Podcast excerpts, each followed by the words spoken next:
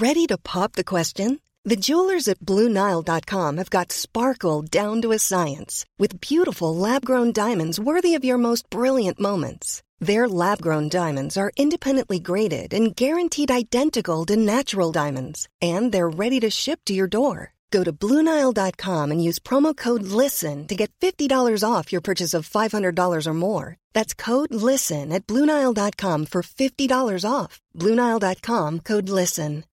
Here's a cool fact a crocodile can't stick out its tongue. Another cool fact you can get short term health insurance for a month or just under a year in some states. United Healthcare short term insurance plans are designed for people who are between jobs, coming off their parents' plan, or turning a side hustle into a full time gig.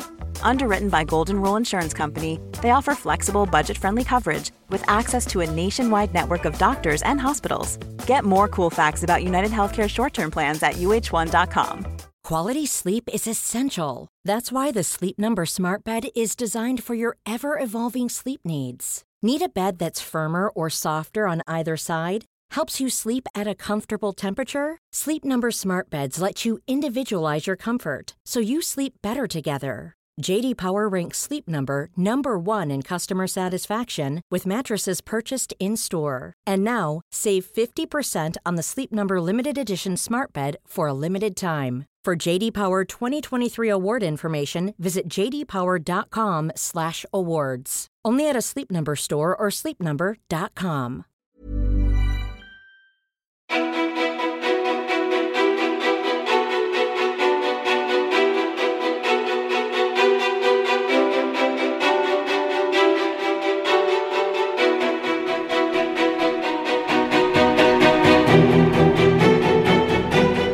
Sara Rönne, eller Träningsglädje som hon länge titulerade sig som, är en av våra mest erfarna träningsprofiler.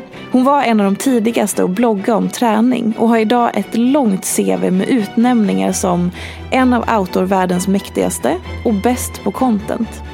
Sara har uppdrag inom marknadsföring och sociala medier och syns frekvent i media.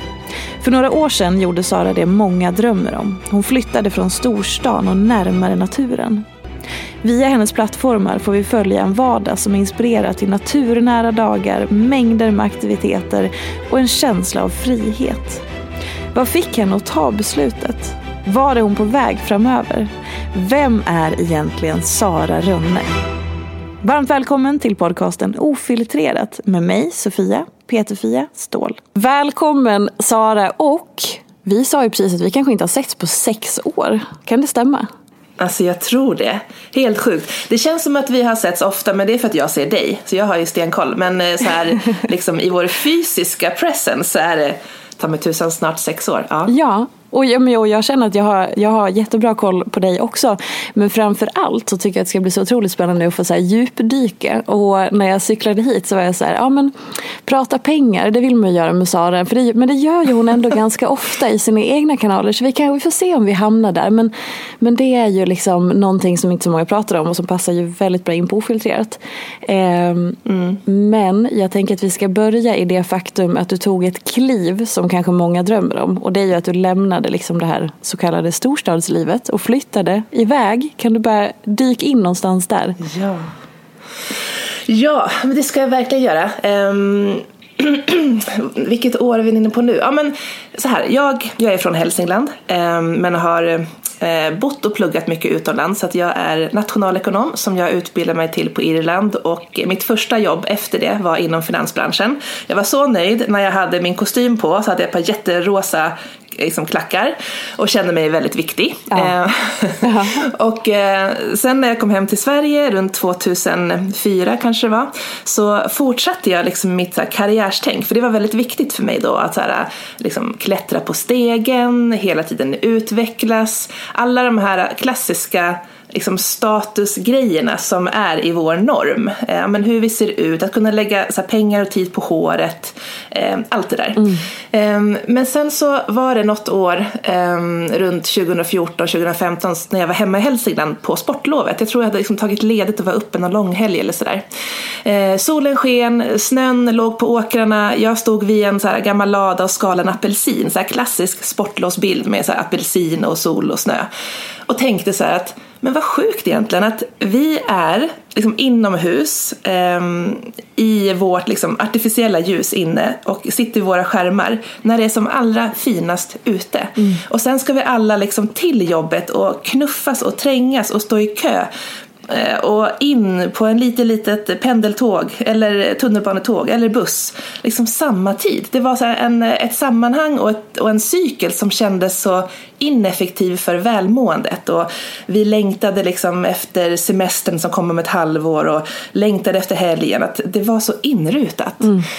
Um, så att då och där fick jag någon form av uppenbarelse att ja, men jag vill skapa min egen life design. Jag vill ändra på Eh, på hur jag lever mitt liv utifrån livet och liksom, inte så mycket takten och tempot och jobbet för jag, jag tyckte det var väldigt kul att jobba och det gör jag nu också. Så jag ville absolut inte downshifta men jag ville få mer liv i livet. Det var väl det som var så här, grundtesen. oh. Så att, eh, det här var typ på våren och sen så tog det lite tag. min kille hade absolut inte samma liksom, tankar. Det här är också min ex-kille nu. Mm. Utan ehm, det dröjde ett halvår och sen så flyttade jag upp till Sälen som min så första grej. Alltså, den, den, där meningen, det var därför jag bara stack in lite att åh, när du sa jag vill fylla livet med liv. Jag tänker mig ja. att när man hör det så sänks mångas axlar och bara, åh, oh, gud. Det är ju det man vill. Det är så fint. Ja, och det, precis. Och det finns väldigt många så här, quotes och klyschor kring det där. Men grejen är att så, här, så vitt vi vet så har vi ett liv och det här livet är inget genrep. Så att det gäller ju att leva nu, för det, mm. det kommer inget sen.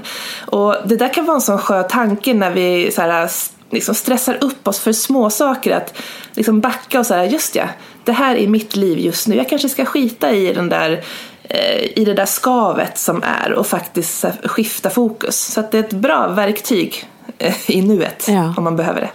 Hur eh, ofta känner du nu där du befinner dig? För om vi ska alldeles strax fortsätta, men bara här och nu där du då lever mm. ett här och nu där du lever ett helt annat liv. Hur bemöter du sådana skav som kommer? Men jag har insett att oavsett hur bra man har det så kommer man alltid ha skav. De här skaven är bara olika stora eh, och det gäller väl att få perspektiv på det. Och jag tänker att, eh, för jag har också liksom haft olika skador och så längs årens gång. Ehm, och det har också gett perspektiv för att när jag till exempel haft väldigt ont i min rygg då har ju allting handlat om så att jag önskar att jag bara kunde bli bra i min rygg så jag kunde liksom böja mig ner och sätta på mig strumporna. Då, då har ju skavet varit väldigt stort egentligen. Mm. Ehm, um, Medan nu när jag är superfrisk, um, jag har inte jättemånga så här, riktiga orosmoln säger jag, så här, lite slarvigt uttryckt. Jag har precis köpt ett hus som jag håller på att renovera, jag bor i Åre, det är superhärligt, jag är frisk, um, min, uh, min kille är frisk. Men då finns det ju Alltså det finns inte lika stora skav, men det finns ju alltid skav som att just det, vi måste skotta, just det, jag måste betala den här räkningen. Så att mm. de, de, kommer i olika storlekar, de där skaven. Mm. Um, men, um, men det är ändå viktigt att komma ihåg att så här, nej, men det här är livet, um, att inte oroa mig för mycket om saker, om eh, här, det kan vara osäker framtid, utan verkligen så få perspektiv och jobba aktivt med det, för det måste man nog alltid göra, tror jag. Upplever du att du, att du någon gång har fastnat i någon slags, alltså det här kanske det mänskligaste som finns, att man fastnar i någon slags offerroll eller offerkofta och man liksom bara, åh oh, nu bara grävde jag ner mig lite här eller har du alltid haft lätt för att börja liksom styra om, skifta fokus, okej okay, nu, nu är det så här, nu har jag de här perspektiven? Eh, bra fråga. Jag tror att just den här offerkoftan har jag nog aldrig haft i min garderob. Mm. Men eh, det är nog för att jag är uppväxt ehm, med så här, två entreprenörsföräldrar där det verkligen har liksom genomsyrat så här, eh, hopp och eh, att förändring alltid är möjlig. Mm. Så att den har jag verkligen med mig, att, att det alltid går att förändra någonting. Sen så kan det vara jättejobbigt förstås. Men däremot så är jag ju inte alltid superpepp, liksom. absolut inte. Um, och jag tror också att min, eh, att min längtan från Stockholm, det var också uh, en längtan från så här, sammanhang. För att Eh, jag har alltid haft min, min blogg, eller alltid, men jag har haft den i 16 år. Mm. Och när jag bodde i Stockholm då var liksom de här bloggeventen som allra mest intensiva. Det var så här pressfrukostar och det var nya kollektioner inom sportmode som skulle visas och jag minns så väl när jag fick ett bud hem en gång med en ask tomater och då kände jag bara så här, men gud jag vill bara bort från all den här hetsen. Att liksom eh, vara någon som, var, som skulle vara viktig och att känna mig viktig och att liksom behålla den positionen rent mentalt, att så här, vara utvald. Mm. Eh, så jag längtade bort till någon form av fristad också. Um, vilket kändes skönt. Och det måste innebära att jag inte har någon så FOMO-känsla. Mm. Um, det här fear of missing out. För att jag är verkligen på ett ställe där jag kan bli bortglömd eftersom så himla mycket kring min bransch och i min bransch händer i Stockholm. Men um, nej, jag, jag har nog en stark drivkraft av att göra saker på mitt sätt. Um, och sen så kan jag ha väldigt stora dippar ibland. Men uh, där är också någon form av förmåga att förstå att ja, men den här dippen av att känna mig så här otillräcklig och kan jag något ens den kommer att gå över om jag bara får sova och att det blir en ny dag. Så det är nog där jag har landat också. att Det kommer kännas skit och det gör det för alla. Men imorgon är en annan dag. Mm. Jag bara, ja, mycket skönt att höra. Alltså, det, det känns där... så enkelt när jag säger det. Ja. Jag hör det nu. Jo, men alltså det är så här, Jobbig människa. Nej, för att du poängterar ju också att där, det är alltså, alla förstår ju att det, det som sägs det har ju också massa, massa djup och grund och övning tänker jag mig. Att du har liksom landat här för mm. att du har övat genom livet. Det är ju inte bara hurtelihutt ja. och gud vad härligt och nu så var det färdigt. Jättebra. Antar jag. Nej, det är 40 års övning, det är ändå sant. Ja. Det, det, har sina fördelar att bli äldre. Ja, ja men, eller, men så här då, 20-åriga mm. Sara, vem var det? Eh, 20-åriga Sara var eh, jag var nog ganska nyinflyttad till, eh, till Irland, Dublin. Um, hade gått ut min så här, nationalekonomsutbildning, hade fått högsta betyg. Ville verkligen jättegärna bli managementkonsult så jag var väldigt liksom, högt upp i vad jag ville. Alltså utifrån så här, att jag ville göra karriär och liksom, allt det där. Mm. Um, men alltså, jag är ju väldigt fylld av kontraster och det liksom, syns ju i mitt liv också. Så att jag liksom jobbade då inom finansbranschen som jag nämnde förut i två år och sen så flyttade jag till Kanada och blev skidlärare. Så där har vi liksom ett av mina tidiga hopp i kontraster kan man säga. Just det. Berätta mm. mer om det. Alltså, ehm. alla de här grejerna egentligen som är att du, du för när man lyssnar på det så låter det som att du lätt kastar dig ut och kanske söker förändringen. Är det en korrekt, liksom, mm. ett korrekt påstående? Ja, ja um, alltså förändring är en jättestor drivkraft. Att, um, och det är ju någonting man lätt kan bli beroende av också, att det hela tiden ska hända nya grejer. Mm. Um, och ja, men skidläraråren, det var två år. När jag jobbade som skidlärare på vintern och sen så jobbade jag faktiskt inom finans även i Kanada på sommaren. Så att, uh, där har vi också en krock i allting. Mm. men det var superkul och det var utvecklande och jag inser att jag åkte ju dit själv och jag flyttade även till Dublin själv. Och även innan dess när jag gick på gymnasiet så hade jag också gjort en hel del så här, utlandspraktik själv i till exempel London. Och när, om jag minns väldigt långt tillbaka så kommer jag ihåg att jag när jag gick så här, första ring på gymnasiet, jag vet inte, man är inte jättegammal då, typ 16, då åkte jag till London själv och gjorde någon form av så här, arbetslivs oh, grej för mm, den linje som jag pluggade. Ja, så att, eh, jag, jag är ganska orädd, inser jag ju, utifrån eh, tanken på att liksom, kommer jag klara av det här? För den har jag väldigt tydligt. Att så här, ja, men det här kommer nog gå jättebra. Eh, så att eh, mycket att ha gjort saker själv, så jag är väldigt självständig och eh, tycker att det har varit spännande. För att ibland när man reser eller gör saker ihop med någon annan, man tyr sig ju ihop så att man kanske inte är öppen för vad som finns där ute. Till exempel träffa nya människor eller se saker utifrån ett annat sammanhang. Mm. Eh, när man är själv så blir man ju sårbar men också stärkt av erfarenheter. Um, i allt det här då så, så undrar man ju så, vad finns det för rädslor hos dig? Eller på vilka sätt begränsar du dig om du gör det? Ja, um, ja men Fia, vad är det för skillnad mellan liksom, självförtroende och självkänsla? Jag blandar alltid ihop det där. Eh, jag skulle säga självkänsla den du är, självförtroende det du gör. Alltså väldigt kort eh, beskrivet. Självkänsla, ja. ditt värde det... som människa är konstant och självförtroende, allt som har med dina prestationer och det du gör att göra. Ja, men då tror jag att jag har en väldigt hög självkänsla. Eh, men däremot kan mitt självförtroende vara enormt dåligt. Mm. Ehm, och ehm, de där har nog alltid varit väldigt åtskilda. För att grejen var att jag började ju blogga som träningsbloggare. Mm. Eh, och det är därför som vi har setts i lite olika sammanhang. Mm. Eh, för du är ju också stor och är stor inom träning och hälsa. Eh, och det är också lite underligt för att jag har ju alltid varit liksom en större tjej. Och jag kommer ihåg så på alla de här pressträffarna och vi skulle ut och springa tillsammans i grupp. Alla så här atletiska så norm, eh, normpersoner. Mm. Supersnygga, så här, storlek mediumfolket om jag säger så. Mm. Medan jag kom som, som en XL i allting. Eh, och då kunde jag ha jättedåligt självförtroende för att jag visste så att men jag kommer vara långsammare när vi ska springa. Om det ska plåtas en bild här och nu så kommer jag sticka ut för att jag ser ut på ett annat sätt. Eh, så jag visste liksom att jag kommer vara sämre rent prestationsmässigt. Men jag visste också så att det här har ingenting med mig som människa att göra. Så att jag, jag har alltid liksom utsatt mig för sådana saker där jag kommer att sticka ut. Men det har nog också stärkt mig. Det har också varit en, en övning i att känna att ja, men jag är okej ändå som person. Det är bara det att i det här sammanhanget är jag väldigt, väldigt annorlunda. Um, Gud ja, vad intressant. Ja, det är så intressant för att jag tror att, eh, eller jag upplever att många som jag pratar med i olika sammanhang, både här i podden men sen också i andra sammanhang, så är det just, eh, så är det just tvärtom. Att eh, man, man kämpar med sitt värde som människa och man kämpar med eh, liksom allt det där att, att räcka till som den man är och sen så presterar man istället sönder sig för man sätter bara sitt värde där. Och då är det så intressant mm. då att få möta dig som upplever exakt det motsatta. Det är jätte, jättespännande. Ja. Det hade varit intressant att få backa bandet till så här, vad hände liksom hemma vid frukostbordet när jag var sju år egentligen?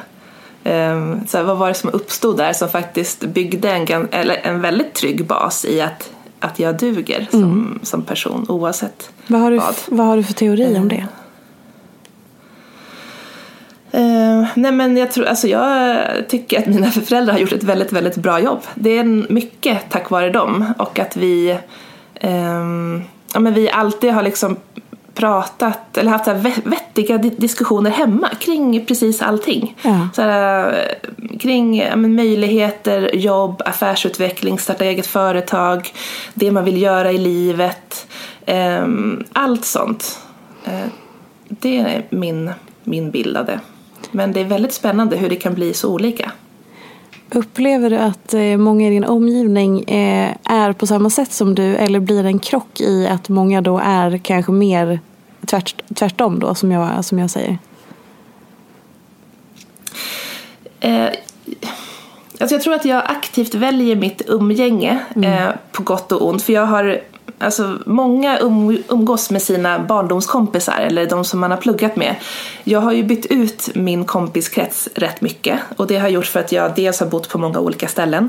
Eh, jag har ju nämnt Irland, jag har nämnt Kanada, jag har också bott i Halmstad lite grann ehm, och nu har jag bott i Åre i sju år. Ehm, så att den här första trippen till Sälen som jag nämnde också, den, den var ganska kort för Sälen var fel by för mig. Mm. Men sen flyttade jag till Åre ehm, och här har jag ju skapat mig ett sammanhang och eh, en helt annan vänskap. Ehm, eller en helt, ett helt annat kompisgäng ska jag säga. Ehm, och de som bor i Åre som är inflyttade, de är ju alla speciella på sitt sätt för att det är väldigt få som växer upp här och är kvar här. Alla har ju flyttat hit av något skäl, att man vill skapa sig ett annat liv, få in mer fjäll och natur i sitt liv eller något annat. Så att um, det finns ju en röd tråd i den brokiga skara personer som faktiskt bor här. Mm. Um, och jag, jag, kan väl se att de jag umgås med, de är lite grann som jag. Det är väldigt få här, traditionella, vad ska man säga? Eh, ja, det är väldigt få liksom så här, kärnfamiljs eh, människor. Det är mycket liksom eh, att man sticker ut och satsar mycket på sin sport till exempel. Mm. Eller sitt företag eller något annat som är lite normbrytande. Absolut. Vad, alltså det där med vänskap är så himla intressant. För som du säger, många fastnar, eller fastnar, men många är i de konstellationer som man kanske alltid har varit om man ska säga så utan att lägga någon värdering i det. Men att man så här, är ramen för min, min vänskaps, eh, mina vänskapsrelationer och så är det så.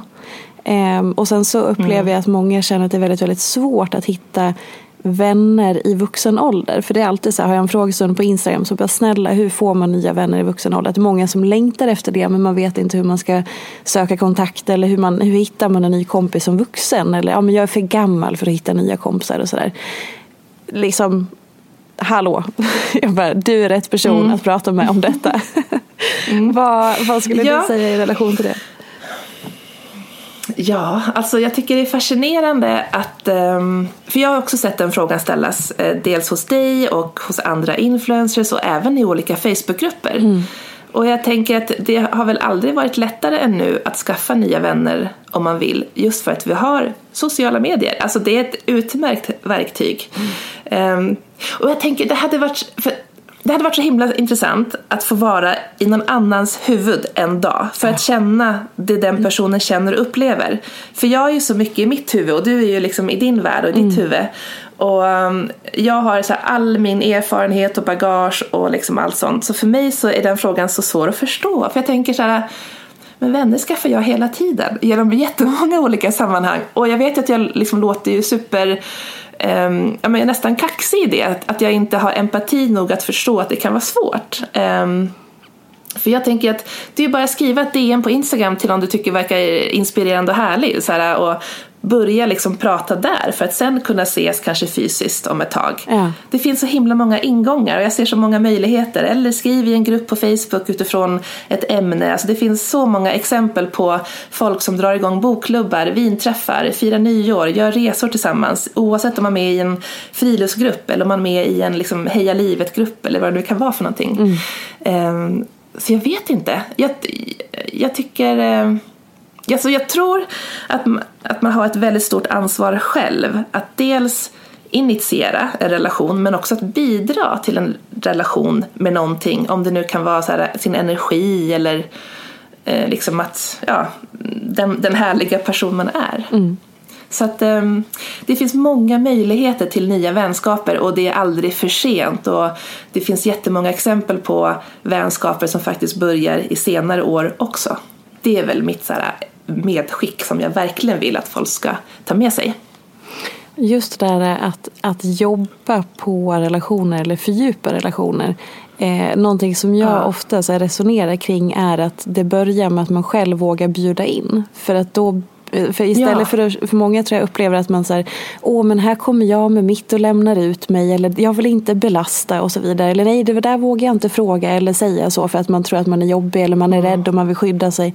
Men att det handlar snarare om mm. att jag, om, jag, om jag vill närma mig dig till exempel så behöver jag bjuda in på något sätt för att du ska känna ja. så att vi får kroka i varandra. För då kanske du bjuder in mig till någonting du har varit med om eller vårt samtal fördjupas eller vi lär känna varandra. Eller, men istället så upplever jag att mång, det blir att man hamnar i någon så här skyddsgrej hela tiden och så börjar oh gud, man går runt och skyddar sig och så blir det aldrig att man fördjupar relationerna för man vågar inte bjuda in varandra. Av olika anledningar. Ja, Exakt, och, och man, man, är rädd för att vara sårbar i det. Mm.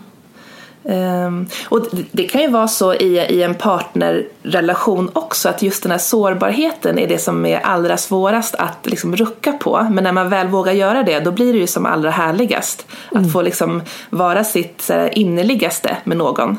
Eller hur? Det är ju skitfint. Och kan du, för att ibland så kan jag så jämföra en partnerrelation med en vänskap och tänka att de är på jättemånga olika sätt och att en av dem är ju svårare och en är enklare. Vil, vilken tycker du är liksom mest okomplicerat? Är det partner eller är det vänskapsrelationen? Oj, vad spännande. Gud, vilken spännande fråga. Mm, jag skulle nog säga att vänskap är okomplicerat på ett sätt och kärleksrelationen är okomplicerad på ett annat sätt. Alltså, de kan, vara, de ja. kan vara komplicerade och okomplicerade men på helt olika sätt. För att det är så olika ja. innehåll på något vis.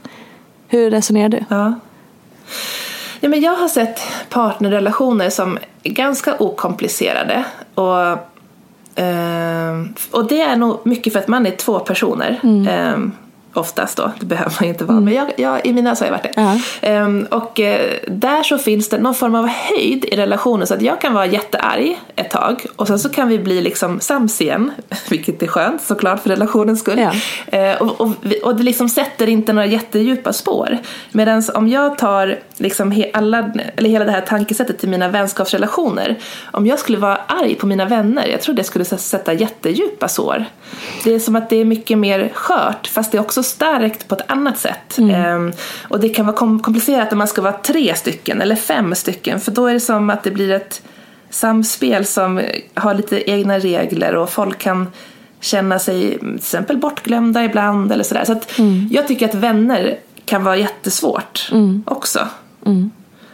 Um, Mm, hur, det är spännande att tänka på. Hur, eh, hur skulle du säga att du, eh, ordet kategorisera låter så himla eh, knäppt, men vi, vi får använda det i brist på annat. Men hur skulle du säga att du kategoriserar eh, vänskaper eller vän, vänner eller människor överlag? Liksom hur, vad, vad, har de för olika, vad ska man säga, om man ser det som en cirkel då? Alltså närmast eller liksom hur hur förhåller du dig till hela den biten i vilka människor du släpper in i ditt liv och hur du släpper in dem? Om du förstår vad jag menar. Ja, men jag har blivit en mycket härligare vän de senaste ja, fem åren. Uh, och med det menar jag att jag har nog släppt väldigt mycket på min integritet och vågat prata om så djupa ämnen, våga ställa kanske till en början obekväma frågor men som leder till samtal som är så himla viktiga för själen. Mm. Um, I början när jag skaffade vänner, nej, men när jag var runt så 20 upp till 30 kanske, då var liksom samtalen ganska ytliga och handlade om så här, ja, men du vet, så här, kaffebordsprat, lite så här, mm. på ytan liksom. Eh, och vi kunde absolut dela drömmar och liksom prata om längtan efter andra saker och det man ville uppnå i livet också. Men jag var nog inte på ett, på ett speciellt djupt plan i livet heller. Um, Sen så nu, liksom så plus 35 och framåt, så är det som att samtalen och vänskapen har börjat handla mer om livet på något sätt. Och jag tror att det beror på jättemånga saker. Dels att, att vi har så mer års erfarenhet, men också så att att vi har börjat, kanske i samhället också, börjat så öppna upp och så prata mer om terapi, fler går i terapi, vågar liksom öppna upp dörrarna till, sin, till, till, sitt inre på ett helt annat sätt och att vi har vant oss vid det. Mm.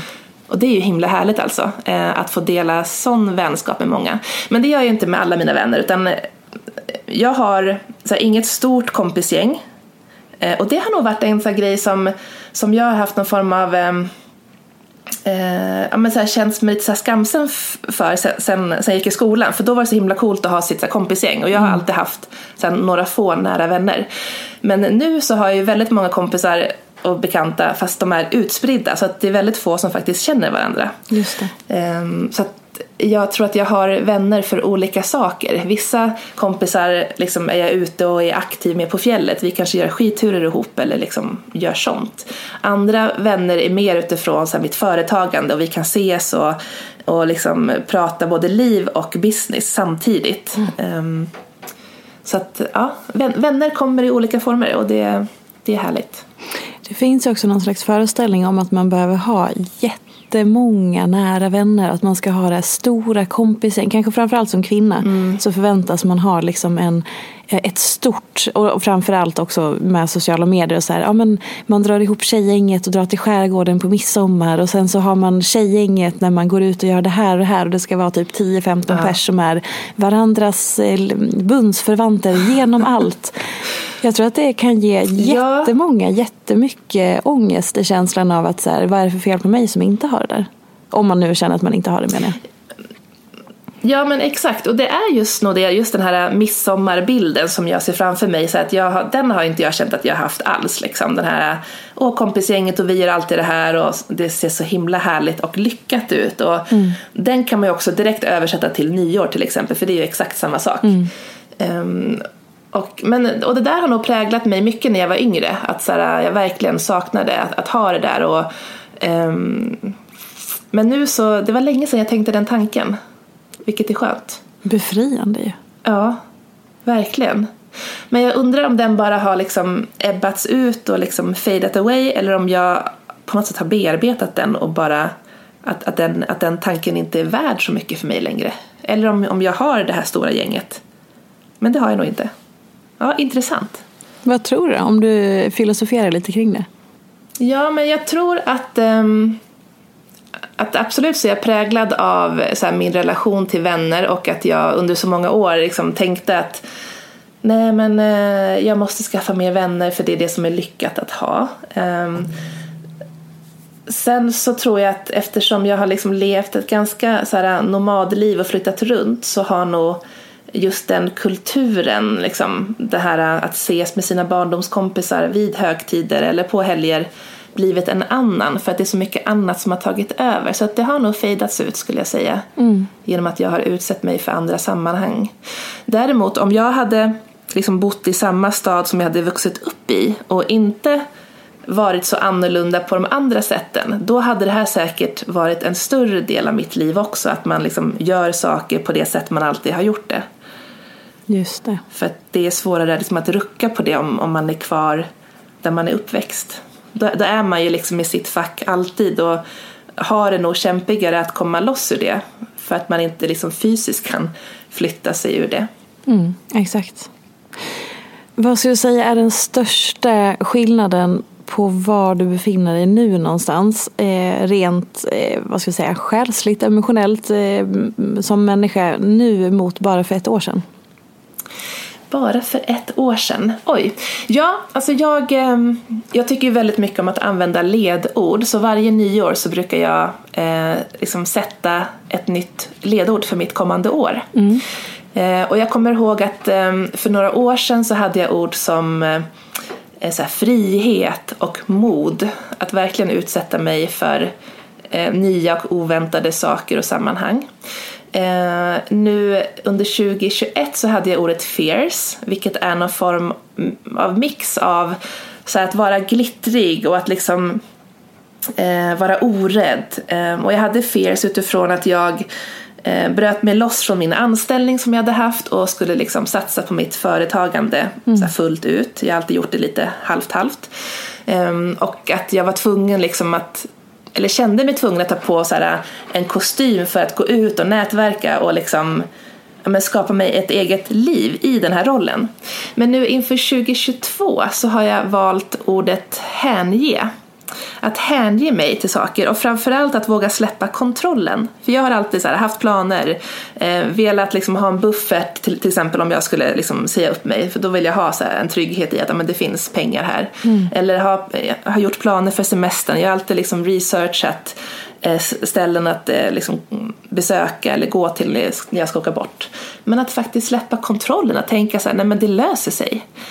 Det är verkligen den känsla som jag vill um, men upptäcka mer. Uh, och tänka så här att nej, men universum löser det. Och um, ja, Hänge. bara lite mer baksätet. alltså det ordet är så behagligt. Hänge. Mm.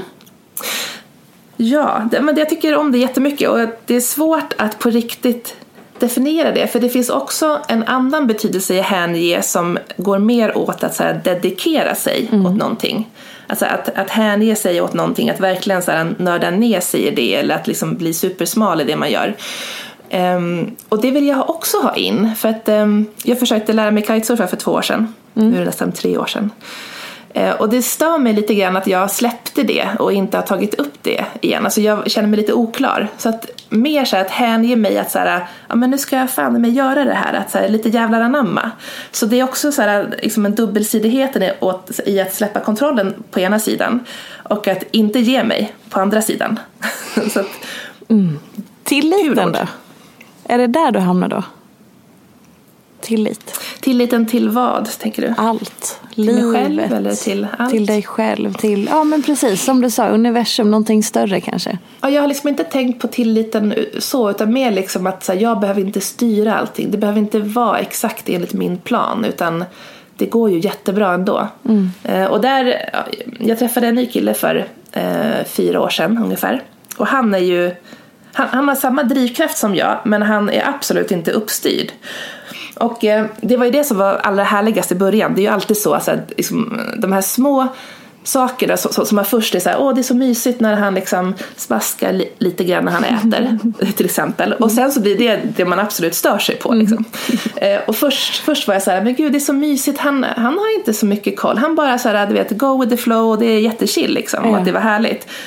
Och sen så här, två, tre år in, jag bara, men vad fan alltså, han har ju inte koll på någonting. Vi skulle åkt för två timmar sedan och han är inte ens klar. Det blir verkligen liksom det som vi så här, bråkade om. Mm. Men, men jag har ju också då insett, och det här försöker jag påminna mig om ofta så det är absolut ingen självklarhet, men att det är ju våra olikheter som gör oss till ett bra team. Så istället för att jag ska bli arg över att vi är olika över att han är olik mig då, det är det som jag blir arg över. Då ska jag ju se det som en tillgång och så här, andas ut och känna så här, gud vad bra att vi är olika, det är ju det som gör oss bra. Ja. Um, och det gäller ju jättemycket saker liksom, utifrån allt. Att så här, inte bli irriterad på det utan andas in och bara skönt, vi är inte så lika, det skulle inte heller bli bra. Det är väl det där med att hela tiden vrida på perspektiven och landa tillbaka i så här, okej, okay, Ja, då var det någon mening med det här också. Eller, aha, vad intressant. Det var så det var. Du reagerade så här. Jaha, jag reagerade så här. Jaha, nu hände det där. Alltså att man, som du säger, lite mer tillbakalutad. Ja. Lite mer så sitter ner i båten och börjar. Alltså lite kanske ja. betraktar snarare än ska fixa och lösa allting hela tiden och ligga steget före. Alltså att man, det är så att man springer ifrån sig själv ibland för att ja. man är så på det liksom. Ja, och det är ju superspännande att faktiskt så kunna ha den, eh, ja, men den insikten att här, se sig själv utifrån och tänka så här, oj vad jag blev, vad jag liksom reagerade starkt på just den här saken. Mm. Så här, varför då? Att verkligen liksom analysera det själv. Um, det kan också lära en supermycket. Hur kände du för att fylla 40? Har du fyllt? Oj vad jag tänkte mycket på det innan. Ja, ja för du har jag fyllde 40 i september. Just det, mm. ja precis. Bra. 40 har liksom, ja det är helt korrekt. Jag fyllt. Ja, men här, 40 visst. låg, eh, liksom pockade på min uppmärksamhet säkert två år innan jag fyllde 40. Mm. Så att eh, från att jag var typ 38 så var det så här, just det om två år fyller jag 40 och det, liksom, det var ingen större tanke än så ganska länge. Men sen efter att jag hade fyllt 39, så hela så året som ledde upp till 40, så var det så många olika tankar som så här, de, det var som att, de, att det var en stafett, en stafettpinne liksom som flyttades. Först var det så här, åh jag ska bli mitt bästa jag nu när jag är 40. Och sen så tänkte jag på det en stund och sen så släppte jag den tanken och tänkte så här, nej men var, varför då? Och sen var det så här, gud jag måste fira ordentligt när jag är 40. Mm. Då höll jag kvar den tanken en stund och tänkte så här, okej okay, vad ska jag göra? Och så släppte jag den och sen var det Herregud, så här, alltså det här är det yngsta jag någonsin kommer vara. Jag kommer bara bli äldre hela tiden. Och den tanken låg kvar i mig ganska länge, just den här ålders... Eh, liksom, inte fixeringen, men så här ålderstankarna. Så här, hur vi alla åldras, eh, hur det verkligen inte går att ändra på. Mm. Att det är så himla...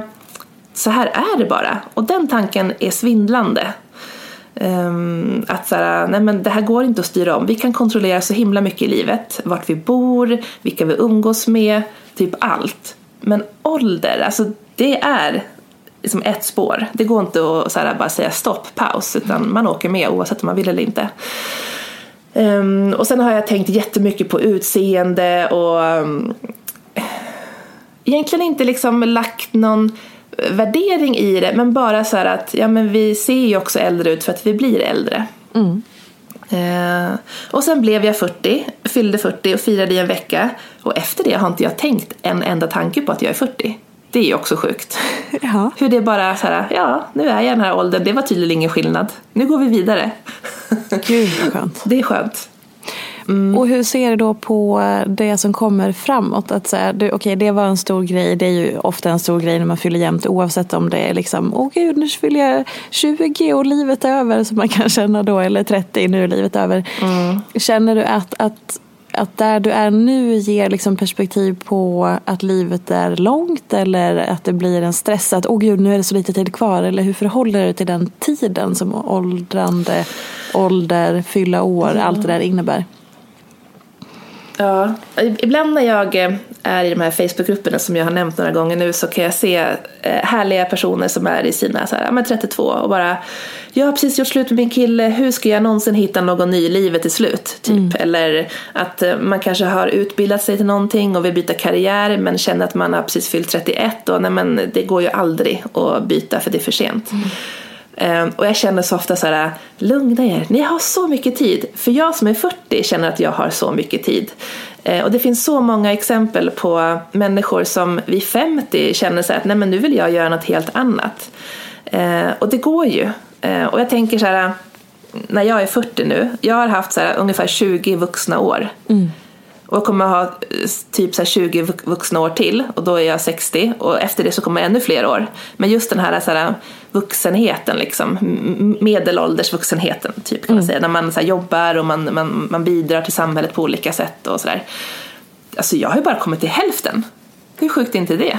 Jag har ju nyss kommit till hälften. Så att det finns mycket kvar, eh, absolut. Och jag tror att om man har barn också, nu har ju inte jag det, men jag kan tänka mig, om man får barn när man är runt så här, någonstans mellan 30 och 40, då har man så här, ett gäng år när man är så mycket i liksom, familjelivet och det är det som styr vad man kan göra i sitt övriga liv. Mm.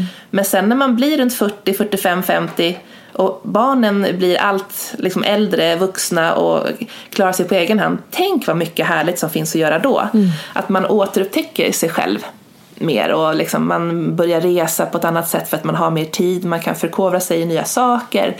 Alltså det är härligt. Um, och om jag tänker på mig själv som människa och liksom det värde som jag känner att livet har och så här, ja, de samtal jag har med mina kompisar till exempel nu eller det jag får göra, då är ju så här, åren mot 40 jättehärliga.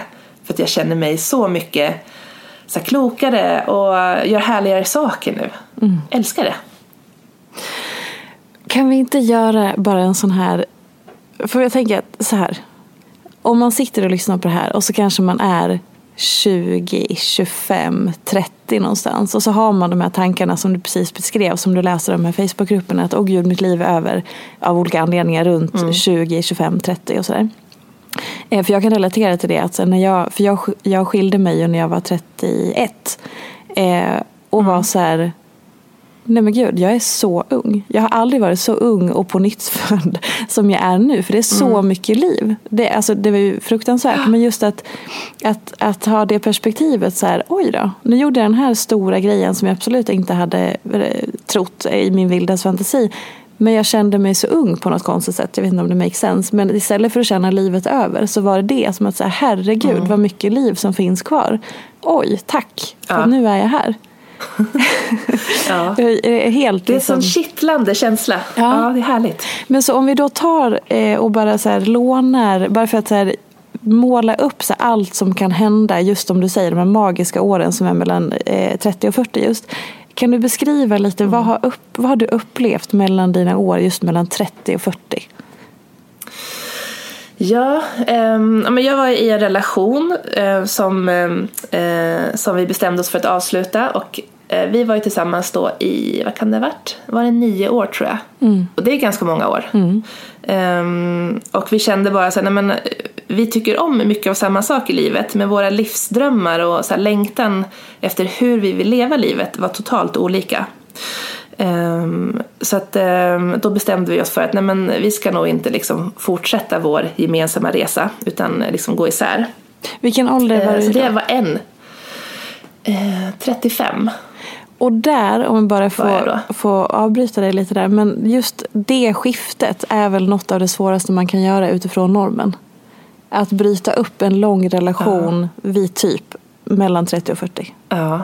Eller hur upplevde du det? Ja, Nej men eh, kanske är det som så att jag inte är så rädd för förändringar. Så mm. först så Alltså jag kommer ihåg att jag tänkte så här, vi måste antingen göra slut eller förlova oss. Vi måste, någonting måste hända mm. för att vi ska liksom komma till en annan punkt.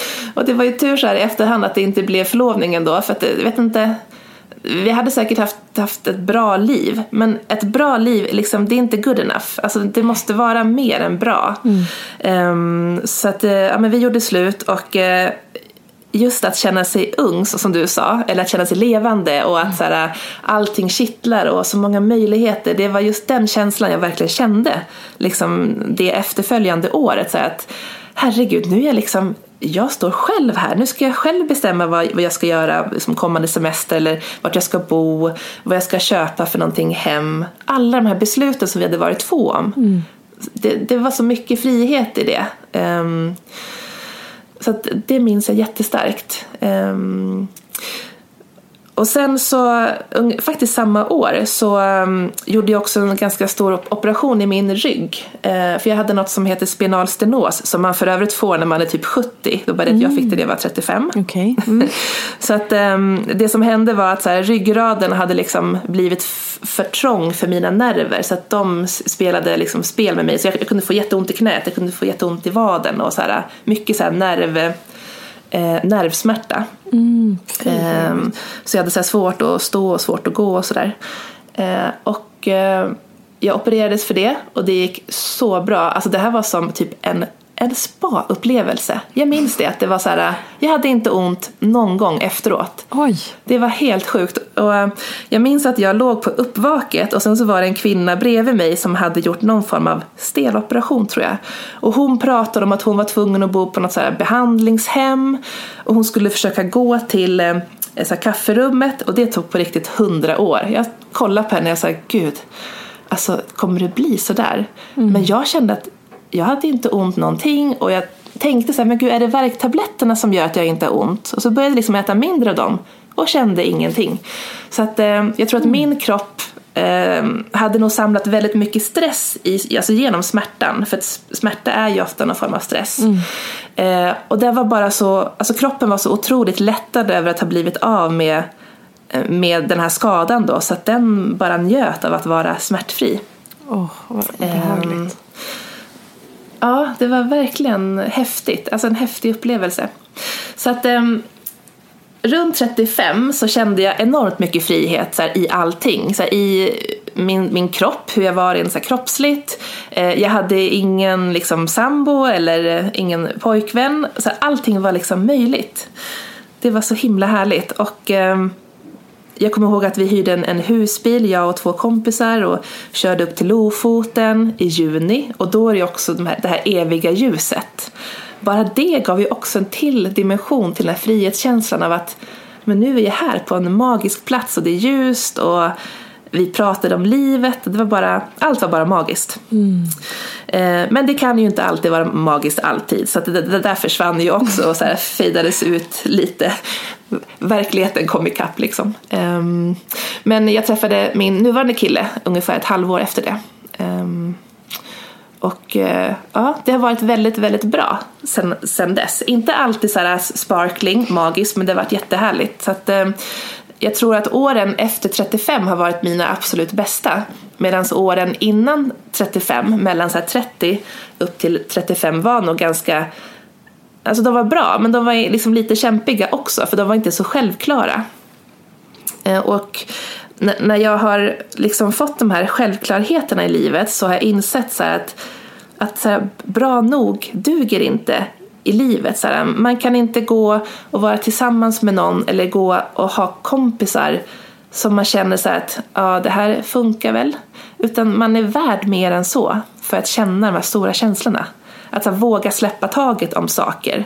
Om jobb eller om eh, ja, så här, relationer också. Mm. För att när, när, man är i det, när man är i liksom en kompisrelation eller liksom med en partner där är det som att det är så tryggt och safe. Eh, men om man inte känner något stort då är det kanske inte värt det i långa loppet. För tänk att gå i så 40, 50, 60 år till och känna så att ja men det här är väl okej. Okay. Det känns ju skittråkigt. Åh gud, jag börjar bli så här eh, lite stel i hela kroppen när, när, just när du säger så ja men det här är okej. Och sen om vi återkopplar ja. till det du sa eh, i början med så här, ja det här är inget genrep, det här livet som vi har och liksom allt det där. Ja. Och så ska man gå och det är okej. Okay. Okej. Okay. Ja. ja, ja, det är okej. Okay. Det är så waste of life. Ja. Mm. Och jag förstår att det kan, vara, det kan kännas svårt när man inte har upplevt magiskt. Mm. Liksom, att, så man, och det är svårt att vara liksom, i något som är okej okay och uppleva magiskt samtidigt. Om man inte då så här, ja, men att det är någon otrohetsaffär som händer. Liksom. Men det blir också så himla krångligt så det, det, kan man försöka undvika. uh, att, men att, ja, men att så här, våga ge sig att våga ge sig själv det som man längtar efter. Mm. Att liksom unna sig det. Och det kan gälla liksom andra livsdrömmar också. Man kanske bor liksom här i Åre och så längtar efter hav och strand och känner så här, men Malmö, det verkar så himla härligt. Att så här, verkligen eh, liksom utmana sig själv och testa på det då. Mm. Inte hålla tillbaka. Vad längtar du efter här och nu? Jag längtar efter um, ja, men jag är inne i en fas där jag verkligen vill träffa nya människor. Att så här, få eh, ny input i mitt liv. Gärna träffa människor som är lite annorlunda mot för hur jag är. Mm. Det längtar jag efter. Och det kanske är en coronaeffekt att vi har varit hemma och liksom umgåtts med de som vi har umgåtts med. Mm. Eh, digitalt och liksom, så här, rent fysiskt. Men jag vill liksom ut och här, få andra perspektiv på saker. Det är coolt och verkligen vidga sina vyer och men, höra hur andra lever och liksom inte med en önskan om att själv leva precis så men så att bara få vara med i deras värld lite och upptäcka något nytt. Det var ju fint då när du sa det här med att du önskar, eller det tror jag att alla kan relatera till, att man ibland önskar att få kliva in i någon annans huvud, apropå att vara i någon annans värld eller ja. se hur andra lever. Vad skulle man upptäcka mm. om man klev in i ditt huvud? Jättekonstig fråga. Ja, men det, jag undrar också det. Mm. vad skulle man upptäcka? um, Fast det är ja, jättespännande fråga ja, känner jag nu. Ja, jag och mina kompisar, i alla fall några av dem, pratar ju mycket om det här med så här psykisk ohälsa och rörelse. Eh, och jag vet inte om du känner det, för vi båda pratar ju ofta om träning utifrån hälsa, inte så mycket utifrån prestation, mm. eller typ aldrig prestation. Mm. Utan ofta om, om liksom rörelse som ett sätt att faktiskt må bra i själen. Mm. Um, och för mig som uh, ja, men om man tar till exempel så övervikt som, uh, som ett sånt ämne mm. så kan det vara väldigt svårt att prata om, om hälsa för att det blir hetsigt. Uh, och att personer kan känna att de, att de utmanas i att de inte duger för att de sitter hemma i soffan en viss del av, av livet, precis som vi alla gör. Så där är det absolut ingen skillnad. Um, och att man absolut ska få liksom, vara den man är, vilket man får. Mm. Men om man när, när man rör på sig så händer det ju saker liksom, i kroppen. Alltså det så utsöndras hormon. Eh, det blir som ett lyckopiller som, som skapas av sig själv. Mm. Och jag tänker att eh, det är nog den, mycket de tankarna som man får när man hoppar in i mitt huvud, tror jag. Just den här eh, så allt går, allt är möjligt. Det kan nog vara lite jobbigt också att vara ett sånt huvud. Så här, för det, Eh, men, men det är det jag skulle vilja liksom ge till andra från mitt huvud också. Så att du behöver liksom inte förändra någonting för att du är dålig. Utan förändra no någonting för att få det härligare. Mm. Um, oavsett om man, om man är liksom överviktig, um, vilket liksom inte är um, något som är sämre, det bara är ett faktum. Liksom. Det är ju jag också, så det är också ett faktum. Ehm, och att man Ja, att man kan göra mycket för att må, må, bättre, men man måste ansvara för det själv. Men och nyfikenhet, eh, om du bara tänker på det ordet, vad är det för dig? Älskar nyfikenhet. Jag blir så glad av att höra det. Mm. Nej men alltså, nyfikenhet, förändring, alltså det, mm. det kan tillföra så mycket. Och, ja, men jag tror så här att eh, men insikten om att vi alla är olika och vi behöver inte vara lika. Eh, och i ett samtal där vi tycker olika så behöver inte slutmålet vara att vi ska tycka samma sak. Exakt. Men däremot kan vi ha nyfikenhet på våra skillnader. Och liksom, jag vill vara nyfiken inför varför du tycker en viss sak och förstå det. Det ger ju mig någon form av så insikt och ett bredare perspektiv på allting. Mm. Eh, och vi behöver inte tycka lika utan nyfikenhet är en jättebra sak att ha med sig. Mm. Nyfikenhet inför att lära sig nya saker också. Nyfikenhet inför att utforska det vi inte vet. Mm. Åh, nyfikenhet är ju bästa. Eller hur. Och mm. om jag säger ett annat ord som är ordet eh, ofiltrerat, vad är det första du tänker på då? Härligt. Alltså, gillar ofiltrerat. Um, för att um, ja, men vi behöver lite mer roughness. Det behöver inte vara så fint i kanterna. Att våga släppa på ytan för att uh, liksom lirka fram lite ofiltrerat tror jag är jättebra och jättesunt. Mm. Um, så att mer, mer nyfikenhet och mer av det som är ofiltrerat. Bra kombo. Och hur ska du ge dig själv det framöver? Genom att hänge mig till livet. Ah, snyggt! ja. Jättebra. och då, för att avrunda detta samtal så skulle jag vilja ställa frågan som alla mina gäster får. Och ni som har lyssnat för, ni vet, här kommer den. Vad är inte som det ser ut? Alltså Sofia, jag har ju lyssnat på dina poddar alltid men jag har helt glömt bort den här frågan. Åh, vad, vad bra! Ja, totalt oförberedd. Ja, men det är så um, bra. Vad är inte Ja. Um, nej men, um, jag tror att jag har ju byggt upp en, en uttänkt bild av mig, liksom, framförallt på Instagram. Mm. och jag vet ju att folk kan tycka att jag är präktig, eller har varit det, men jag är totalt opräktig bakom det där. Mm. och, för jag har alltid varit ganska proffsig utåt, liksom, mm. utifrån allt. Men jag är präktig, väldigt rolig. Vad sa du? Tänk att få säga så. Ja, men du är präktig. Jag är ganska rolig. Men... Ja.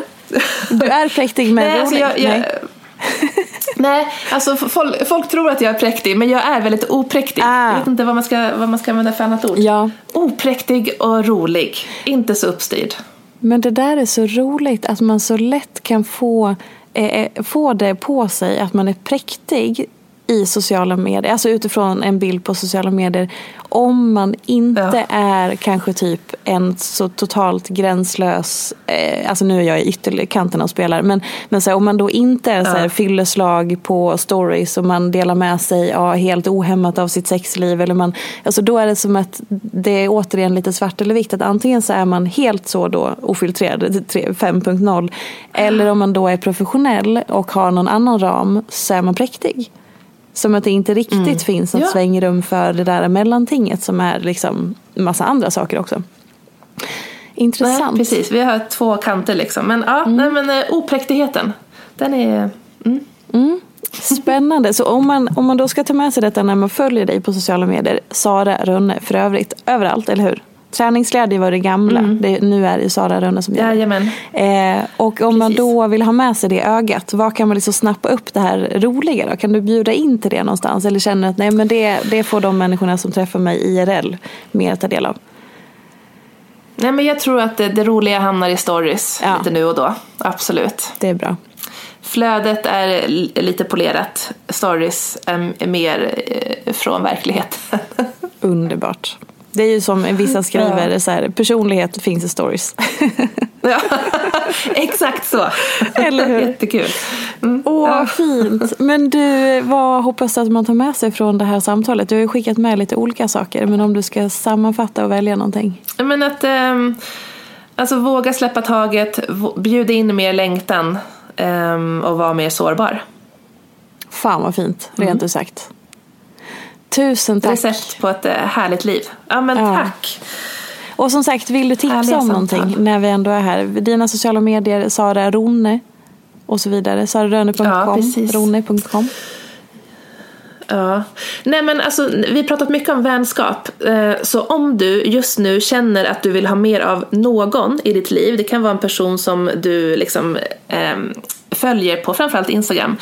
Gå och skriv det till den personen just nu. Mm. Du får en uppgift du som lyssnar. Oh. Det är en start. Du har sått ett frö då. Fan vad fint. Nu svär jag jättemycket. Jag gör det när jag, när jag blir glad. så tack så, tack så jättemycket för att du vill vara med och gästa och tack för att ni har lyssnat. Puss och kram så hörs vi nästa vecka. Hej då! Följ mig gärna i sociala medier. Jag finns på Instagram som peterfia och bloggar på peterfia.se. Jag blir så glad om du vill recensera den här podden, prenumerera och lämna gärna önskemål på gäster. Vi ses i sociala medier. Ha det gott så länge. Hej då! En podd från Allermedia.